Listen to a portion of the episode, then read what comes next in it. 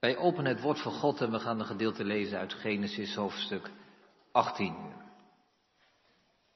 Genesis, het eerste Bijbelboek, is meteen ook het Bijbelboek waar alle grote thema's van de Bijbel al ter sprake komen. En in dit hoofdstuk zullen we ook zien dat grote belangrijke thema's op een indringende manier worden besproken.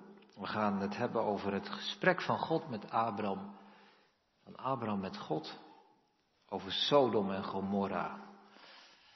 Abraham kende die mensen min of meer, want hij had Lot bevrijd, die eerder gevangen was genomen. En met de hulp van Abraham waren die mensen weer vrijgekomen. Dus er was, al was het maar gering, maar er was iets van contact en verbondenheid. God is verschenen, we lezen dat niet uit het eerste deel van het hoofdstuk, maar God is verschenen heeft gesproken over een kind dat geboren zal worden, Abraham en Sarah. Hij is verschenen in menselijke gedaante met twee engelen en dan staan ze op om naar Sodom te gaan. We lezen vanaf vers 16. Het woord van God spreekt hier, toen stonden die mannen vandaar op en keken in de richting van Sodom. En Abraham ging met hen mee om hen uitgeleide te doen. De Heere zei, zal ik voor Abraham verbergen wat ik ga doen. Immers, Abraham zal zeker tot een groot en machtig volk worden en alle volken van de aarde zullen in hem gezegend worden. Want ik heb hem uitgekozen, opdat hij aan zijn kinderen en zijn huis na hem bevel zou geven om de weg van de Here in acht te nemen, door gerechtigheid en recht te doen, opdat de Heer over Abraham zal brengen wat hij over hem gesproken heeft. Verder zei de Heere, de roep van Sodom en Gomorra is groot en hun zonde heel zwaar. Ik zal nu afdalen en zien of ze werkelijk alles gedaan hebben zoals de roep luidt die over haar tot mij gekomen is. En zo niet, ik zal het weten. Toen keerden die mannen vandaar om en gingen naar Sodom, maar Abraham bleef nog staan voor het aangezicht van de Heere. En Abraham kwam dichterbij en zei, zult u ook de rechtvaardigen tegelijk met de goddelozen wegvagen? Misschien zijn er vijftig rechtvaardigen binnen de stad. Wilt u hen ook wegvagen en de plaats niet sparen omwille van de vijftig rechtvaardigen die daarin zijn? Er kan toch geen sprake van zijn dat u zoiets doet? Dat u de rechtvaardigen samen met de goddelozen doodt? Dan zal het zijn, zo de rechtvaardigen, zo de goddelozen. Daar kan bij u toch geen sprake van zijn. Zou de rechter van de hele aarde geen recht doen? Toen zei de Heer, als ik in Sodom vijftig rechtvaardigen binnen de stad vind, dan zal ik de hele plaats omwille van hen sparen. Abraham antwoordde en zei, zie toch, ik heb het aangedurfd om tot de Heere te spreken, hoewel ik stof en as ben. Misschien zullen er aan de vijftig rechtvaardigen vijf ontbreken. Zult u dan om vijf mensen de hele stad te gronden richten? Hij zei, ik zal haar niet te gronden richten als ik er 45 vind. Hij sprak opnieuw tot hem, misschien zullen er daar 40 gevonden worden. En hij zei, ik zal het niet doen omwille van die 40. Verder zei hij, laat de Heer toch niet in toorn ontbranden, omdat ik spreek. Misschien zullen er daar 30 gevonden worden. En hij zei, ik zal het niet doen als ik er daar dertig vind. Hij zei, zie toch, ik heb het aangedurfd om tot de Heer te spreken. Misschien zullen er daar twintig gevonden worden. En hij zei, ik zal haar niet te gronden richten omwille van die twintig. Verder zei hij, laat de Heer toch niet in toorn ontbranden, omdat ik nog eenmaal spreek. Misschien zullen er tien gevonden worden. En hij zei, ik zal haar niet te gronden richten omwille van die tien. Toen ging de Heer weg, nadat hij geëindigd had met Abraham te spreken en Abraham keerde terug naar zijn woonplaats. Tot zover. We luisteren naar dit gedeelte, we laten ons erdoor aanspreken. De tekst die ik dan als kentekst nog een keer voorlees is vers 24. Misschien Zijn er vijftig rechtvaardigen binnen de stad, wilt u hen ook wegvagen en de plaats niet sparen omwille van de vijftig rechtvaardigen die daarin zijn? Het thema heb ik als volgt geformuleerd. In gesprek met een rechtvaardig God. In gesprek met een rechtvaardig God. Drie dingen vragen onze aandacht. Ten eerste oordeel op de achtergrond. Oordeel op de achtergrond. Dit gesprek vindt niet neutraal plaats, maar met de voorzegging van een oordeel op de achtergrond. De eerste gedachte. Ten tweede vrijgevig in vergeving. Daar is het waar Abraham op pleit, om vraagt. Vergeving. En God geeft het vrijgevig. Dus dat is de tweede gedachte. God is vrijgevig in vergeving. Ten derde, bidden uit balans. Abraham vraagt heel veel. We kunnen niet zeggen dat het een gebed in balans is, waar alle dingen in kloppen. Hij gaat maar door, hij gaat maar door en hij vraagt steeds meer. Bidden uit balans heb ik dat genoemd. Dus het thema is in gesprek met de rechtvaardige God ten eerste oordeel op de achtergrond, vrijgevig in vergeving, bidden uit balans. Weet ik kan me nog herinneren uit mijn kindertijd dat deze geschiedenis verteld werd. Ik weet niet meer of het op de kinderschool was, of de zonderschool was, of dat het uh, thuis was, of een preek of zo, een keer, kinderbijbel. Misschien uh, verschillende dingen door elkaar, maar ik herinner me nog wel welke indruk, zeg maar, dit Bijbelverhaal bij mij achterliet. Dit is een geschiedenis waar duidelijk wordt hoe erg het is als er zo weinig gelovigen zijn. Vijftig, vroeg Abraham. 45, 40, 30, 20, 10.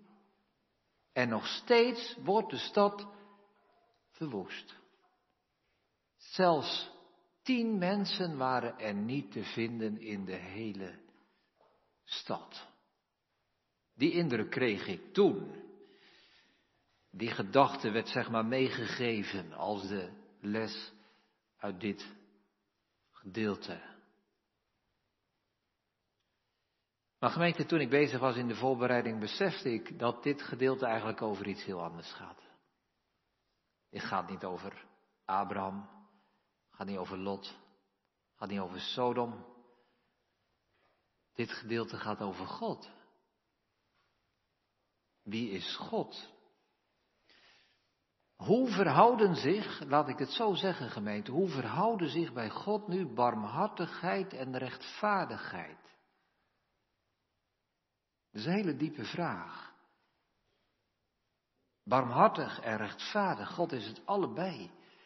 Maar hoe verhouden die zich nu tot elkaar? Straf en vergeving, zo kunnen we het ook zeggen. Oordeel en redding. De toren van God. En de vriendelijkheid, de genade van God. Daar gaat het over in dit gedeelte. Laat ik meteen maar zeggen, gemeente, de kern van de preek, de kern van dit gedeelte ook, denk ik, en dus ook de kern van de preek is dit, dat Gods barmhartigheid veel groter is. Veel groter dan zijn rechtvaardigheid. In de zin dat zijn verlangen om te vergeven en zijn genade te geven veel, veel, veel groter is dan zijn verlangen om de zonde te straffen. Psalm 30, we zongen het. Er is een ogenblik in zijn toorn, maar een leven lang, een eeuwig leven in zijn goedgunstigheid. Zo liggen de verhoudingen. Daar gaat het over. En de bedoeling van de preekgemeente, dat zeg ik erbij, want we blijven niet alleen bij een soort samenvatting steken. Wat is de bedoeling van dit gedeelte? Is om wellicht ons godsbeeld bij te stellen en te corrigeren. Om ons te laten zien wie God werkelijk is. Zodat wij vertrouwend, gelovig, ons richten op zijn barmhartigheid. Het is een aansporing voor ons om te bidden zoals Abraham gebeden heeft. Bidden uit balans, de derde gedachte straks. Maar we beginnen met de eerste gedachte, oordeel op de achtergrond. Dus gemeente, we zien hier twee eigenschappen, ik zei het al even, twee eigenschappen van God tegelijkertijd. En de eerste eigenschap die in dit gedeelte naar voren komt, is de toorn van God. De rechtvaardigheid van God. De straf van God. God is verontwaardigd, kunnen we wel zeggen, over de zonde van Sodom, vers 20 en 21.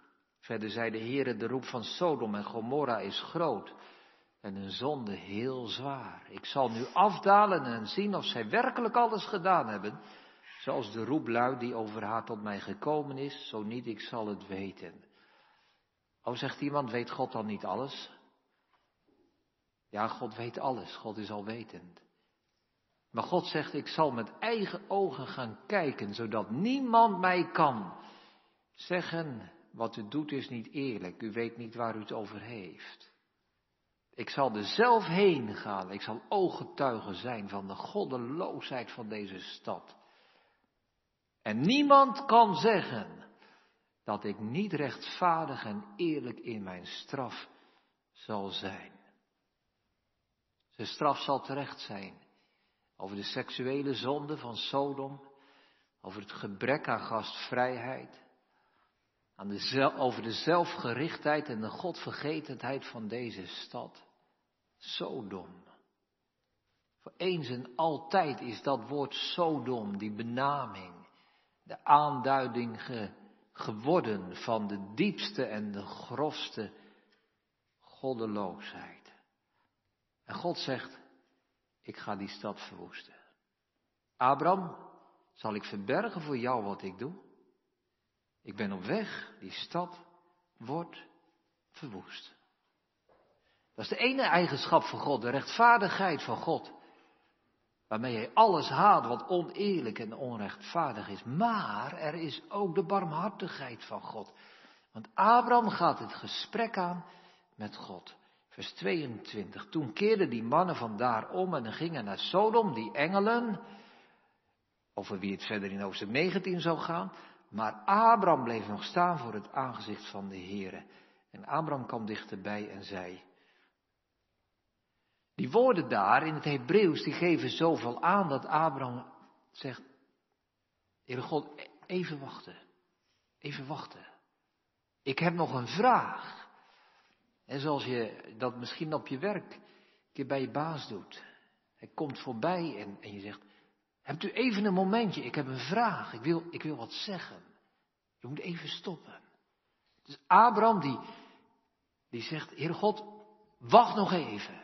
Voordat u naar die stad gaat, wil ik wat vragen. Hij gaat proberen om God zo ver te krijgen dat hij de stad niet straft niet verwoest. Maar dat God in tegendeel vergeeft en redt en spaart.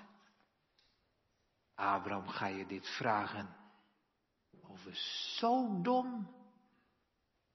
Ja, Sodom. Ja, zegt iemand, maar hij, hij, hij denkt natuurlijk aan Lot. Lot is familie. Nee, nee, nee, hij denkt, staat er, de plaats vers 24. Wilt u hen ook wegwagen en de plaats, de stad, niet sparen? Zo begint het dus, gemeente, dit gedeelte. Het oordeel staat vast en misschien is er vergeving. De straf is zeker, maar redding is, is mogelijk. Die rechtvaardigheid van God is een gegevenheid. Barmhartigheid is mogelijk een uitweg. Dus die barmhartigheid en die vergeving van God, waar we het verder over zullen hebben, die vinden, onze eerste gedachte, plaats met op de achtergrond het oordeel. Die barmhartigheid, gemeente van God, is dus niet een bepaalde lievigheid, hè, een bepaalde slapheid van God. Een bepaalde weekheid.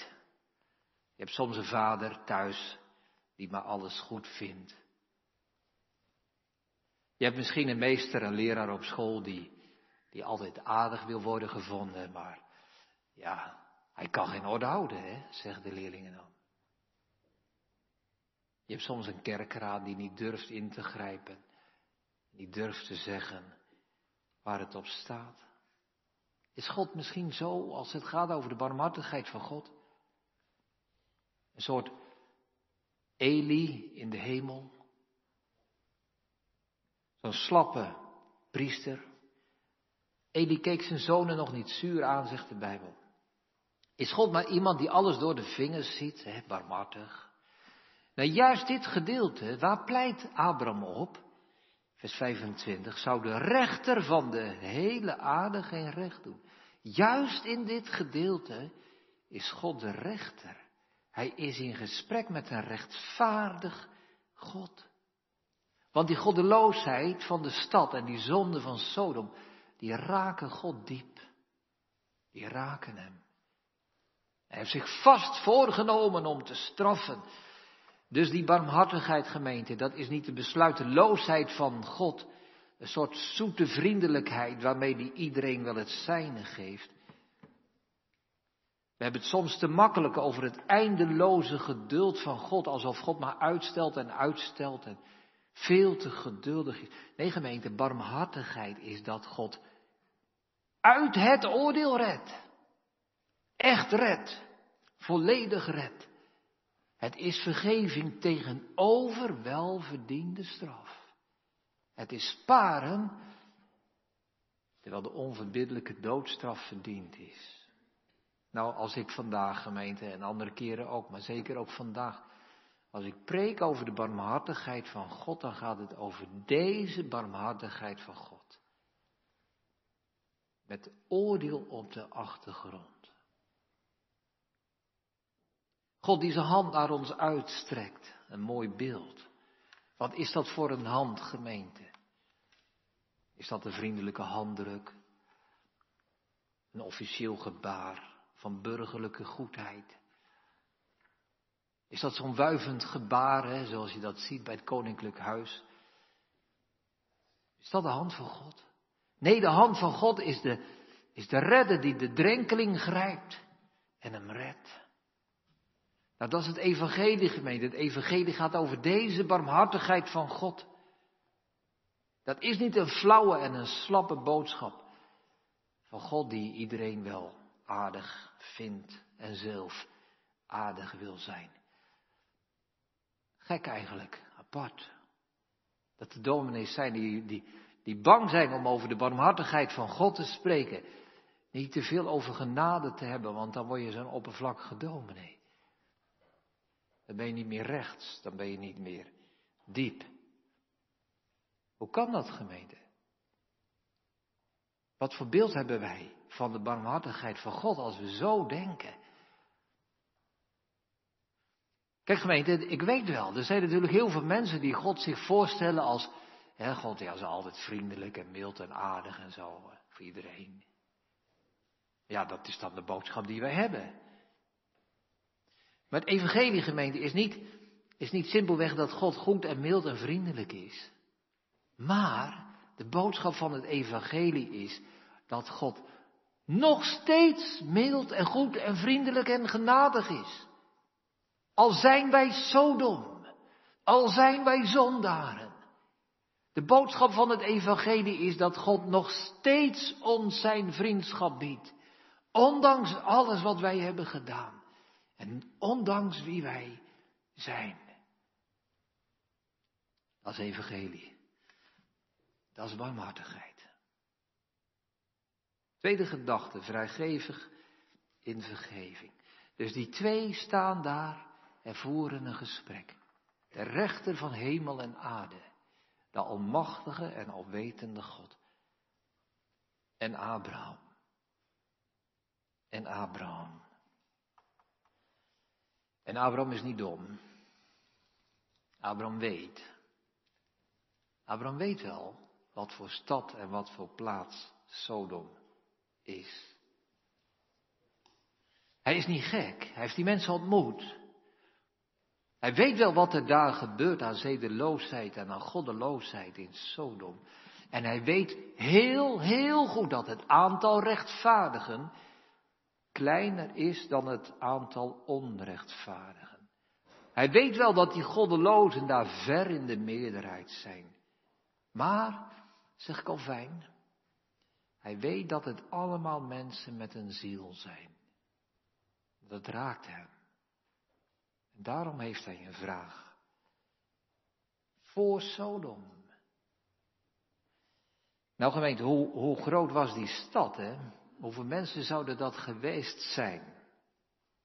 Ja, niemand die het zeker weet. Het staat niet in de Bijbel. We kunnen gissingen doen. We weten het niet goed. Ik denk wel dat het duizenden mensen zijn geweest. Waren geen steden zo groot als hè, Rotterdam of Amsterdam nu of andere wereldsteden. Natuurlijk niet, het was allemaal veel kleiner. Maar toch, toch, het was meer dan een, een dorpje, een vlek. Het was een, het was een stad, zeker als we Sodom en Gomorra erbij nemen. Nog een paar plaatjes daaromheen. Dus, nou laten we zeggen, het is een suggestie van mij, laten we zeggen dat er 5000 mensen waren. 5000. Ik weet het niet, we mogen het aanpassen, als u denkt zijn er meer of minder geweest. Dan mag u op die manier verder denken. Maar Aaron stelt een vraag, hè, en die gaat niet vragen, nou Heere God, als we nu eens een evenwicht doen. Rechtvaardige, onrechtvaardige, 50-50. Dan wist hij het wel gemeente, dan was er geen redden aan. Als hij vroeg om een democratisch besluit, de helft plus één, dan zou de stad verloren zijn en had bidden geen zin. Zoveel zijn het er lang niet. Hij stelt zijn eerste vraag. Stel nu, zegt hij, dat het er vijftig zijn. Misschien vers 24, misschien zijn er vijftig rechtvaardigen binnen de stad. Wilt u hen ook wegvagen en de plaats niet sparen omwille van de vijftig rechtvaardigen die daarin zijn? Dus als er nu vijfduizend mensen wonen hè, en er zijn vijftig rechtvaardigen, dan is dat één op de honderd, één procent. Dus zijn vraag is deze, Heere God, wat gaat u doen? Wat gaat u doen? Wat is nu sterker in u aanwezig als het ware? Uw barmhartigheid of uw rechtvaardigheid? Vijftig rechtvaardigen in de stad. Wat geeft u voor, voor u die doorslag? 99 procent goddeloos. 1 procent rechtvaardig. 1 procent rechtvaardig. Of 99 procent van die stad bestaat uit goddelozen. Uit die vraag, gemeente, die eerste vraag, zien wij dat Abraham God goed kent. Want hij weet dat God veel liever vergeeft dan straft. Hij weet dat het hart van God brandt van barmhartigheid. En hij weet dat God veel liever vergeving geeft dan dat hij de dood moet geven. God wordt veel liever geëerd in zijn genade dan in zijn straf. En dat wetend heeft Abraham een afweging gemaakt en een inschatting. Zou God zijn rechtvaardigheid, zou God zijn barmhartigheid misschien dubbel zo groot zijn?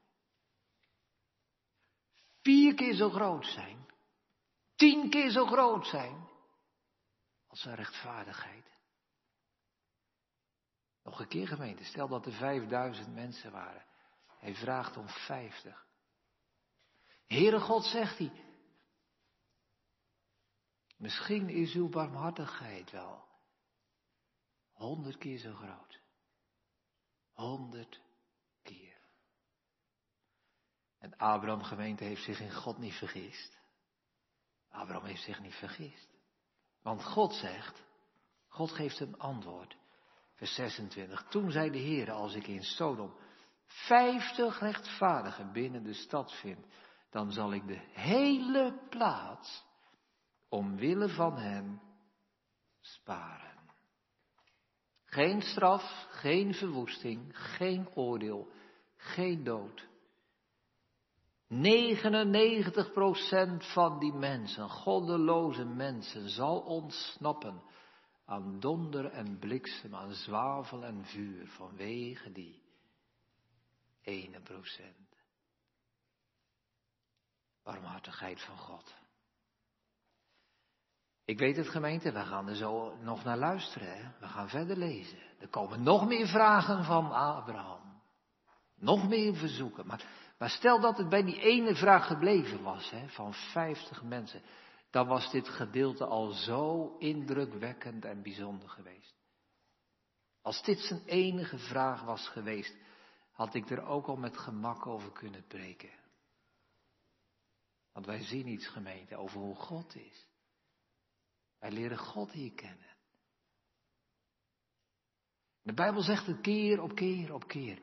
De barmhartigheid roemt tegen het oordeel, zegt Jacobus. Psalm 143 legt de woorden in onze mond. Ga niet in het gericht met ons. We mogen dat bidden. Psalm 130 hebben wij gezongen. Maar nee, daar is vergeving. Als u in het recht zou treden, o heren, en gadeslaan, wie zou bestaan? Maar nee, er is vergeving. Er is vergeving.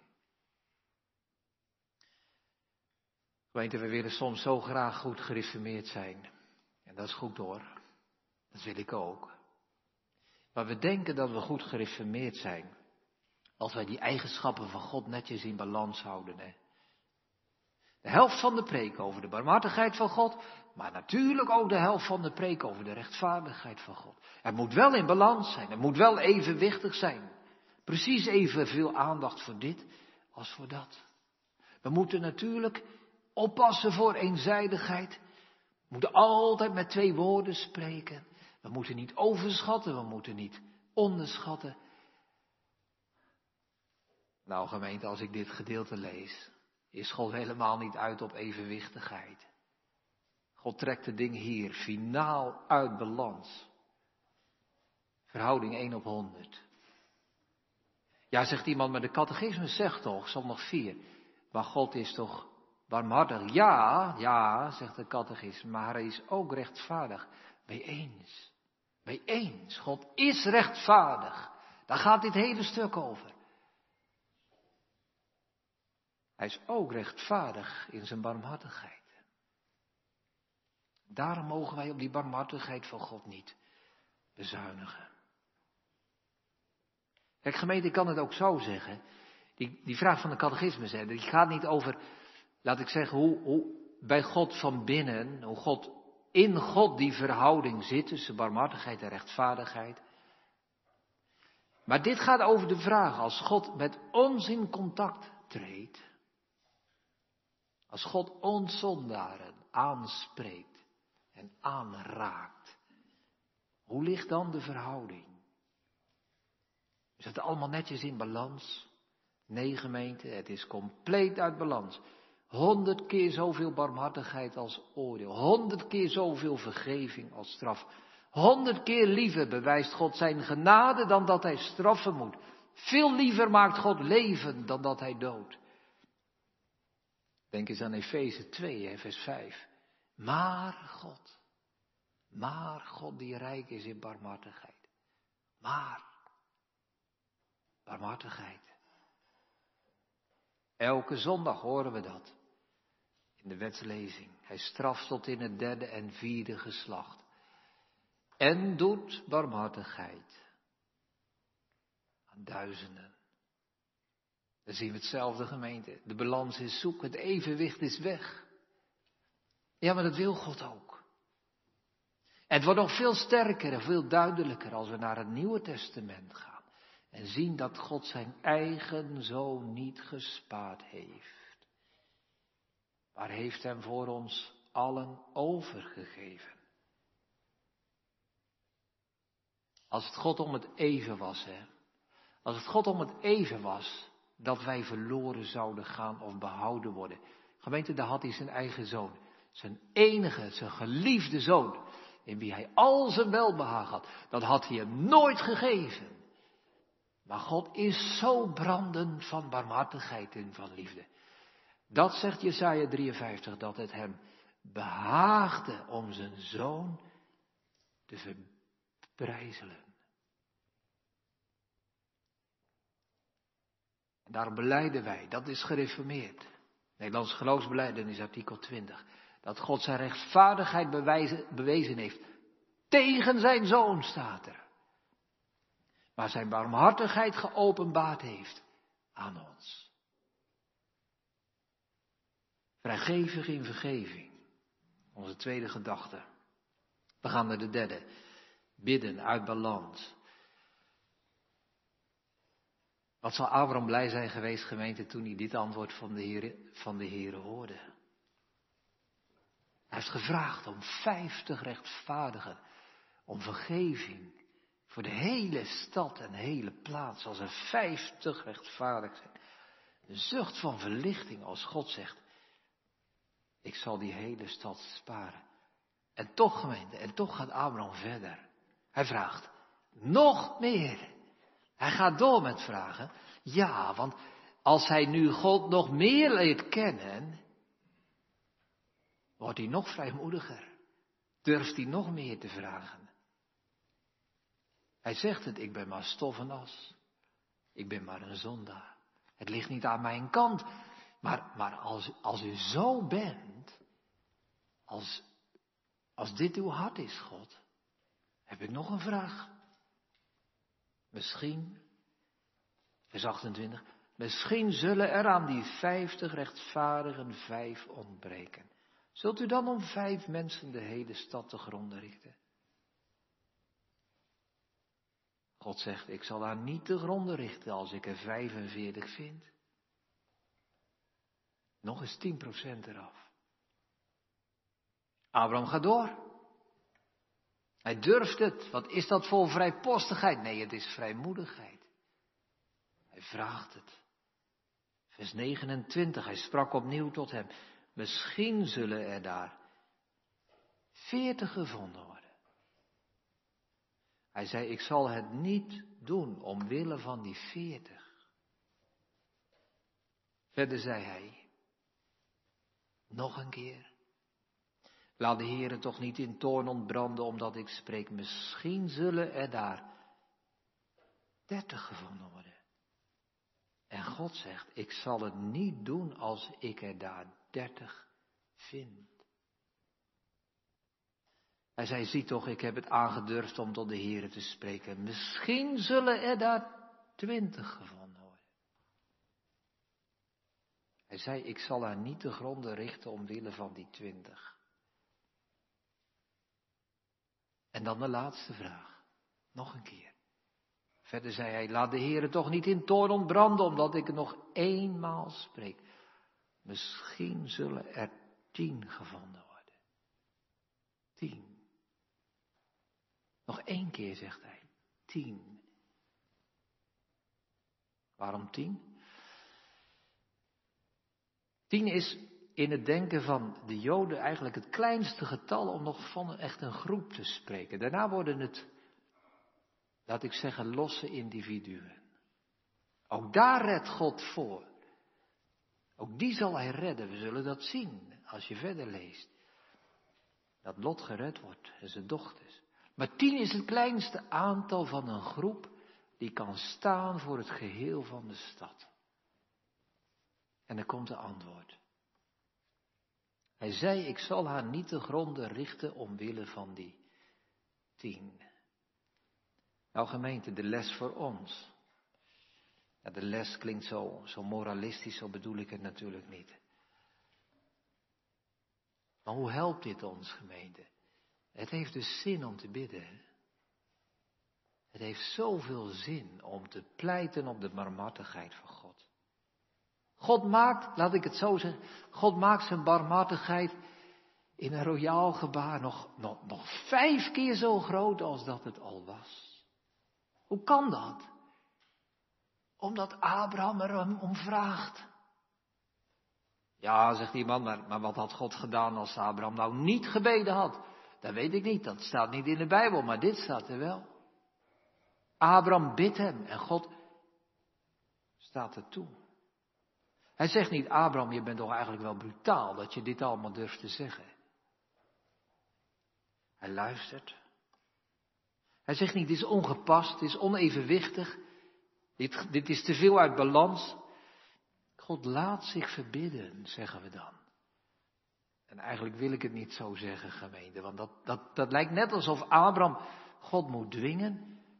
Maar dat is niet zo. Juist, het is ons wel wellicht opgevallen, God herhaalt bijna letterlijk de woorden van Abraham. Als hij zegt, als ze nu veertig zijn, dan herhaalt God, het is alsof God harmonisch aansluit bij, bij Abraham en bijna zegt, nou dat is goed verwoord. Precies zo bedoel ik het, Abraham, zoals jij het zegt. Dus God sluit onmiddellijk aan bij de vraag, elke keer weer en weer en weer weer. Dus dat evenwicht, gemeente, tussen barmhartigheid en rechtvaardigheid, zeg maar, dat was al compleet zoek, maar maakt, God maakt het zonder aarzelen en zonder voorbehoud nog vijf keer zo erg. Tien op de vijfduizend. Tien schamele mensen in de stad zouden genoeg zijn. Tien mensen, zelfs nog steeds zondaren. Maar tien mensen die God kennen in zijn genade, zouden voldoende zijn om die zee van goddeloosheid te sparen. Gemeente, wat is dit een geweldige bemoediging voor ons. Toch? Wat een bemoediging. Als Gods handelen zo uit balans is, mag ons bidden ook uit balans zijn. Wij hoeven niet in balans te bidden. Ik denk dat heel veel van ons daar wel mee, mee worstelen af en toe. Dat je denkt, mijn, mijn gebed is niet goed genoeg. Soms vergeet ik dit en dan vergeet ik dat. Ik weet te weinig van Gods rechtvaardigheid ik weet te weinig van mijn eigen schuld. Ik kan niet netjes bidden. Het is maar een ratje toe. Ik spring van de hak op de tak. God zal het wel niet in balans vinden. God zal het wel niet een goed gebed vinden. Ik kan het God eigenlijk niet maken. Ik kan het niet maken om God te vragen om, om barmhartigheid. Mijn gebed is niet in balans. Nou gemeente, het mag niet, het mag niet in balans zijn. Want God is, om zo te zeggen, niet in balans. God wil zijn barmhartigheid en genade kwijt. God stroomt over van liefde, een overvloedige fontein van alle goed, beleiden wij. Artikel 1 van de Nederlandse geloofsbeleidenis. En we zien in dit hoofdstuk gemeente, als God zelf, om te, zo te zeggen, uit, uit balans is, laat dan je eigen gebed ook maar uit balans zijn. Ga maar door met bidden. Ga maar door met bidden als je denkt, ik kan het niet meer maken om dit aan God te vragen. Doe het maar. Vraag maar om meer genade. Vraag maar om meer barmhartigheid. Vraag maar om meer vergeving voor jezelf. Allereerst, maar ook voor anderen. Voor je ouders, voor je kinderen, voor je familie, je vrienden, je buren, je collega's. Ja, maar hoe bid ik dan? Moet ik argumenteren? Moet ik redeneren? Moet ik God overtuigen? Moet ik misschien in mijn gebed praten als brugman om God over de streep te krijgen? Moet ik God tot andere gedachten brengen? Nee, gemeente, nee. We mogen eenvoudig aansluiten bij wat God over zichzelf heeft gezegd. En God wil dat dit deel, Genesis 18 in de Bijbel staat zodat wij Hem zullen leren kennen. En God zegt vandaag tegen ons, het heeft zin om te bidden om genade. Als je ingezonken bent, als de futter uit is, dan hoop ik dat de preek van vandaag je weer aanspoort en aanmoedigt. Dat je zegt, ik begin weer. We staan met God in gesprek, gemeente, zoals Abraham. We houden hem even stil en zeggen, ik heb nog een vraag voor u. Mag ik wat vragen? God daalt af vandaag om het eigen ogen te bezien waar wij leven. God daalt af om te bekijken wat voor leven jij en u en ik leiden. En het ziet er niet fraai uit. Sodom ligt in ons eigen hart.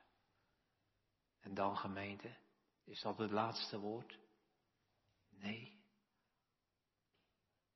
Betekent dat dan dat we niemand van ons verloren gaat? Er is een oordeel. Er gaan mensen verloren.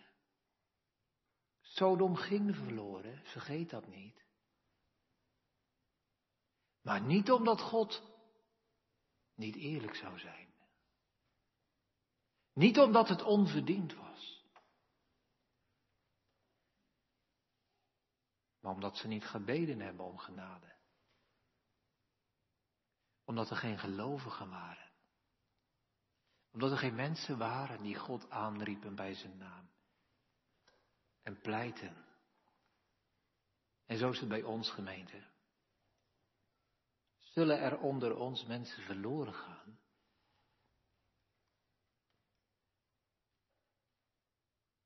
Als je niet om genade bidt, ga je verloren. Dat is de enige manier. Je moet als het ware over de Heere Jezus heen stappen om verloren te gaan. Maar wij kennen hier een God die barmhartig en genadig is. Niemand van ons hoeft verloren te gaan. Of ben je zo erg als een sodomiet? Je bent behouden als je tot hem bidt en zegt, denk aan mij toch in genade, om uw goedheid eer te geven. Amen.